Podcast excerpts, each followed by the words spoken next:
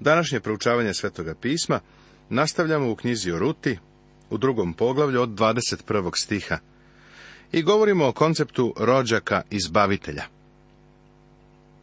Osvetnik, rođak izbavitelj, je slika gospoda Isusa Hrista.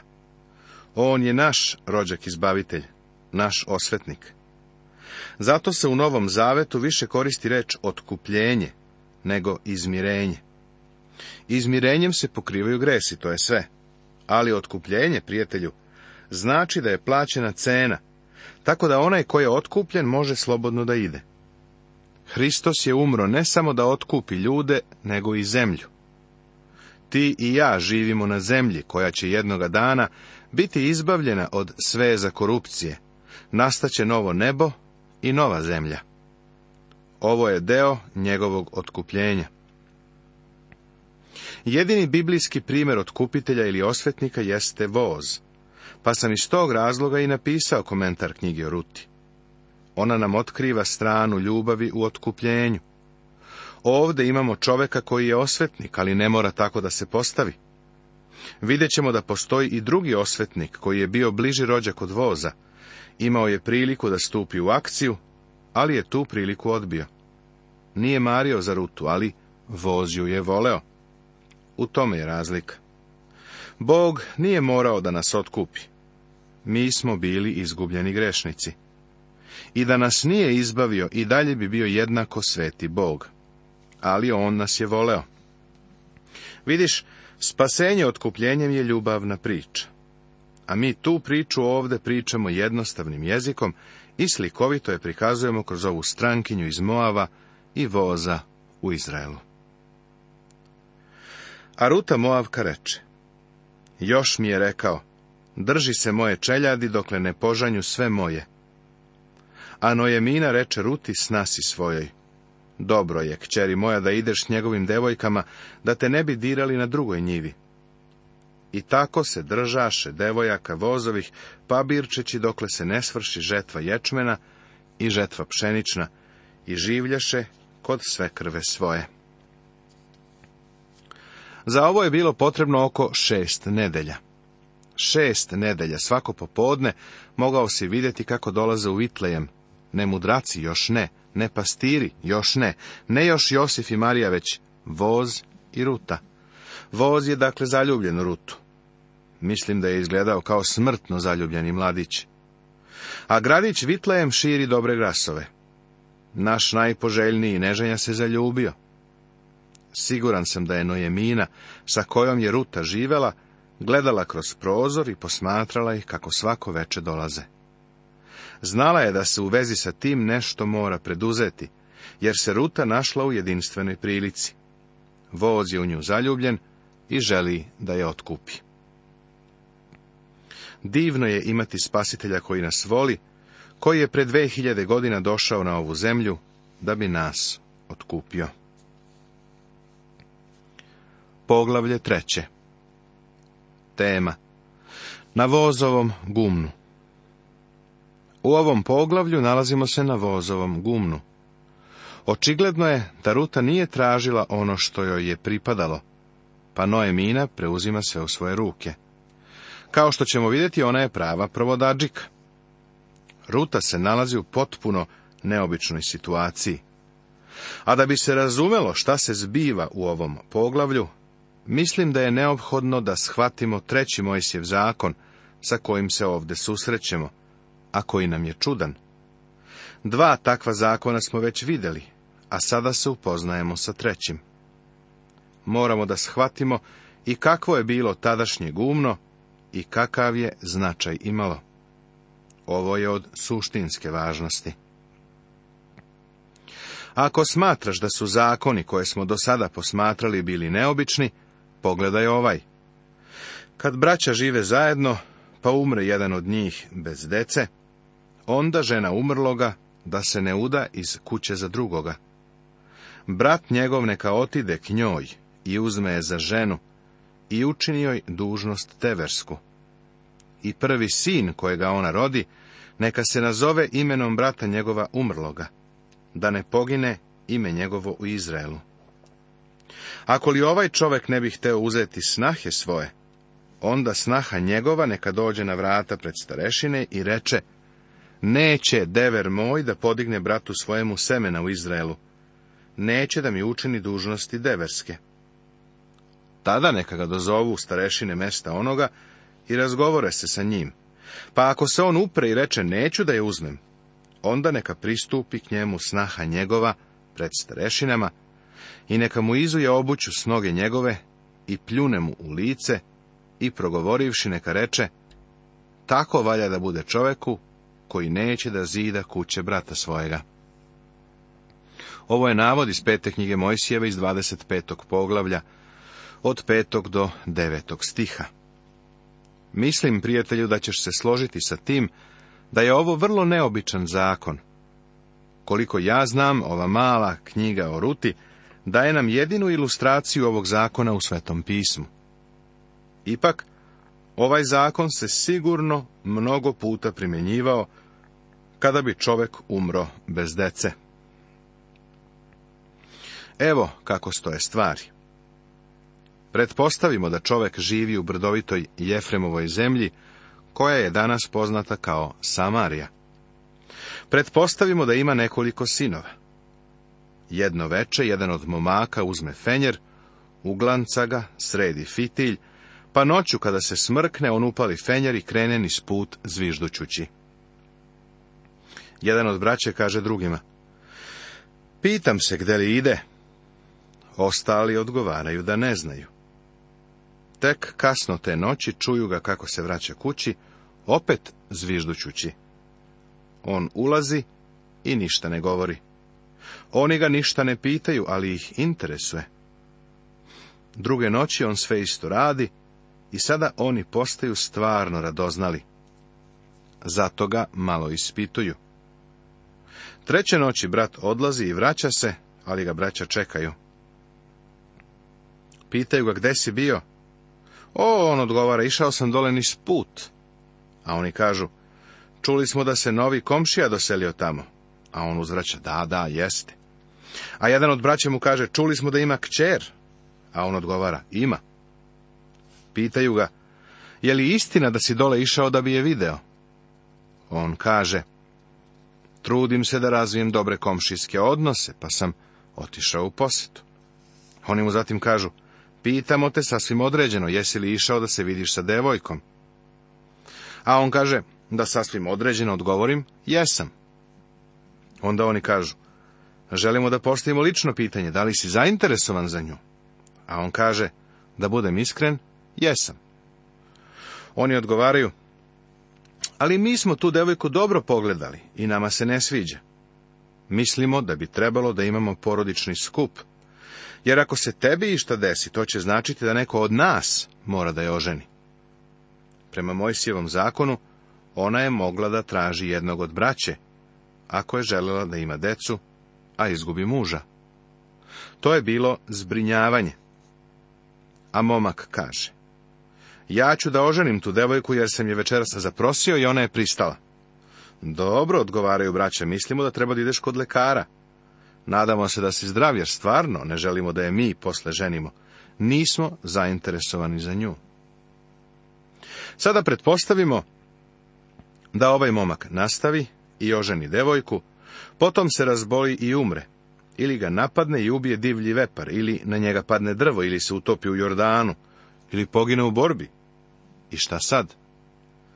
Ona je sada udovica i trenutno može da ode i zahteva nekoga od braće. Veruj mi, onaj koji odbije imaće prave probleme. Pretpostavimo da taj mladić kaže, upozorio sam brata, Rekao sam mu da ne ženi tu devojku, jer je prosto ne želim da je oženim. A ona ga tada može odvesti na sud. ako on čak i na sudu odbije da je uzme za ženu, ona može da mu priđe, skine cipelu i pljune mu u lice. Prijatelju ovo je značilo da je ono sramoćen, a čovek ipak nije spreman da ide tako daleko. Kao što vidiš, ovo je jedan neobičan zakon, koji udovicu bez dece stavlja u jedinstven položaj. Njen položaj se u potpunosti menjao. Sada je mogla da polaže pravo na bilo koga od braće. U stvari bila je to njena dužnost prema preminulom suprugu. Iskreno govoreći, sasvim je razumljivo da je ovo nešto što je porodicu u to vreme povezivalo. Svaki član porodice je zbog ovoga bio zainteresovan za to sa kim brat Isak ide da se vidi, jer su ostala braća uvek bila uključena u sličnu situaciju. Ovaj zakon je bio Božije zbrinjavanje. Bog je na umu imao dva cilja koja su ovdje očigledna, a možda ima i drugih. Prvi je da je hteo da zaštiti žene. Ako bi njen muž umro i ostavio joj zemlju i vinograd i stado ovaca, ona bi imala poteškoće. Zato je odmah mogla da traži nekoga od braće ili najbližeg rođaka, a on je morao da odluči. Zakon je štitio ženu. Čuo sam kritike na račun toga da je Biblija muška knjiga. Pa prijatelju, kad neko da takvu izjavu, postaje očigledno da nije pažljivo čitao Bibliju.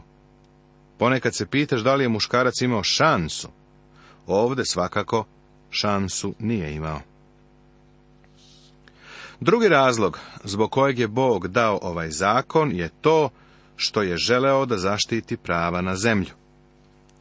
Bog je ne samo dao izraelskom narodu palestinsku zemlju, ne samo da je svakom plemenu dao određeni deo te zemlje, nego je i svakoj pojedinačnoj porodici dao određeni komad zemlje. Svaka porodica je imala sopstvenu zemlju. Kao što smo vidjeli, porodica je mogla da izgubi zemlju ali u toku oprosne godine zemlja se automatski vraćala izvornom vlasniku. Međutim, udovica je mogla da ode i uda se za nekog stranca koji bi stekao vlasništvo nad imovinom. Vidiš, Bog je štitio to vlasništvo. Najbliži rođak je morao da oženi udovicu da bi omogućio povraćaj vlasničkog prava na imovinu u narodu, u plemenu i u porodici.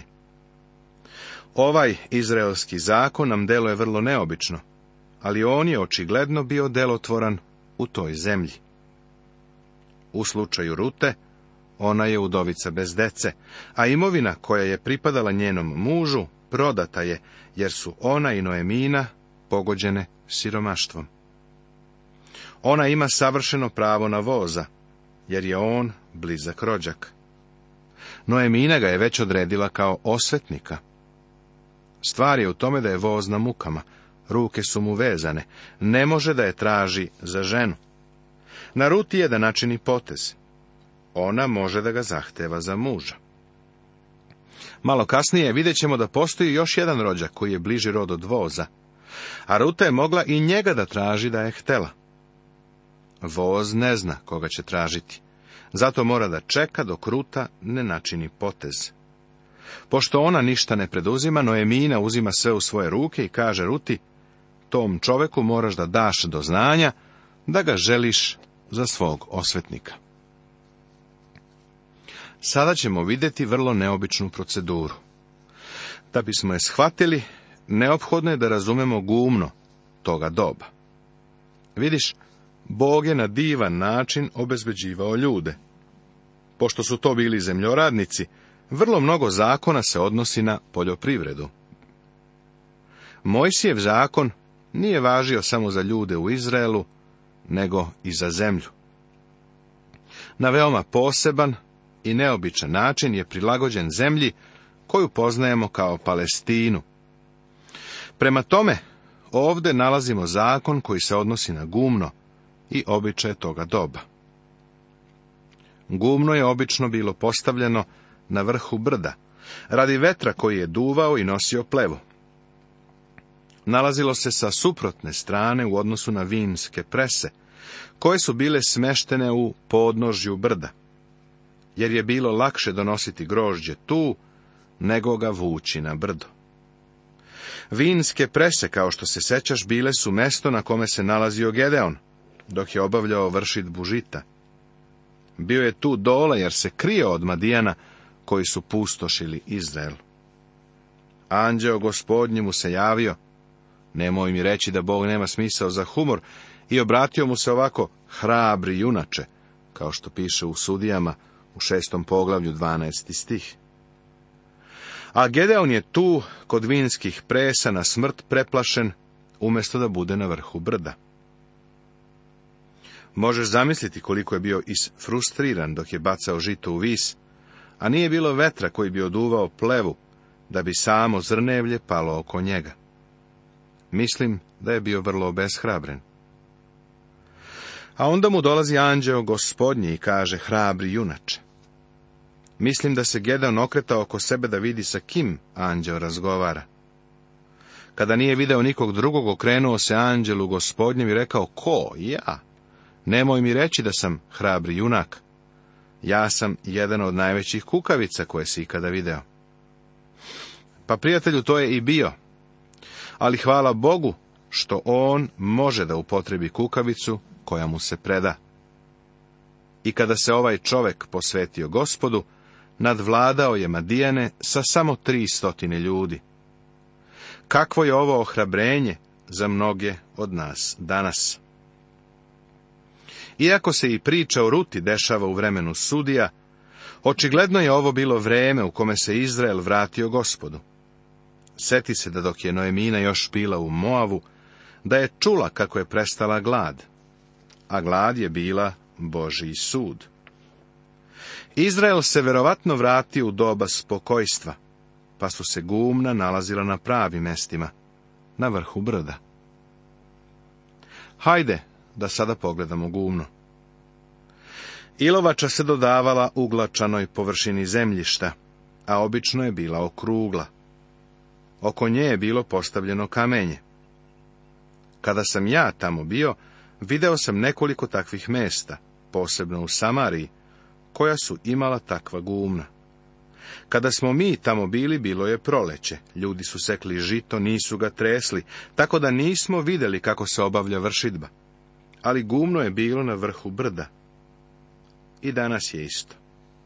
Nakon što se žito iseklo, odnošeno je na gumno. Kasno popodne bi krenuo povetarac. Duvao je do sunčevog zalaska, ponekad i do ponoći. Sve dok je taj vetrić duvao, oni su obavljali vršidbu. Snopove žita su bili rasprostrti po podu, gazio ih je vo koji je vukao kola. Ljudi su potom uzimali mlatila, i bacali žito u vazduh. Tako je pleva bila oduvana, a dobro žito je padalo na gumno. Sve dok je vetar duvao, oni su bili na gumnu. Kada bi vetar utihnuo, bez obzira da li je sunce već zašlo ili je devet sati, ponoć ili bilo koje drugo vreme, oni su održavali veliku versku gozbu. U ovo doba godine sve porodice su dolazile gore i logorovale oko gumna. Znači bilo je prisutno mnogo ljudi. Kada bi se gozba završila, muškarci su spavali oko žita. Pošto je gumno bilo okruglo, oni su glavu stavljali prema žitu, a noge su izbacivali na spolja, što je ličilo na zupčanik. Tako su spavali da bi žito zaštitili od razbojnika ili lopova koji bi napali i pokrali. Bilo je to vreme gozbe i zahvaljivanja Bogu za obilnu žetvu. Nekoliko prazničnih dana u Izraelu, praznik prvina, pa čak i Pentekost, padali su u vreme vršidbe. Ljudi su pevali pesme i slavili Boga za izobilnu žetvu. Pokušaj da ih zamisliš na brdu te noći, kako gledaju ka nebu i pevaju mnoge psalme. Kada budeš čitao psalme, posebnu pažnju obrati na to koliko njih govori o ovom verskom prazniku. Sada, kada smo shvatili zakon o osvetniku, rođaku izbavitelju, i o tome kako se on odnosi na udovicu bez dece, i sa ovim prizorom gumno u mislima, možemo krenuti dalje. Potom reče joj Noemina svekrva njezina. Kćeri moja, ne treba li da ti tražim počinka, da bi ti dobro bilo? Sve vreme žetve, Noemina je gledala kroz prozor i posmatrala kako se voz i ruta vraćaju u Vitlem. To je trajalo otprilike šest nedelja. Ječam je bio skupljen kao i pšenica. Noemina primećuje da je ruta vrlo skromna i da nikakav zahtev ne pokazuje u vezi sa ovim čovekom. Također primećuje i ono što je očigledno, da je on zaljubljen u nju. Tako, Noemina pita Rutu da li umjesto nje može da potraži počinak, odnosno odmor. Počinak je ovdje, naravno, značio brak. Ne treba li da ti potražim brak? Sećaš se da je na samom početku Noemina savjetovala obema snahama da ostanu u zemlji Moav i da nađu počinak u kući muža. Sada kaže da će ona za Rutu potražiti počinak. Nastavit će se.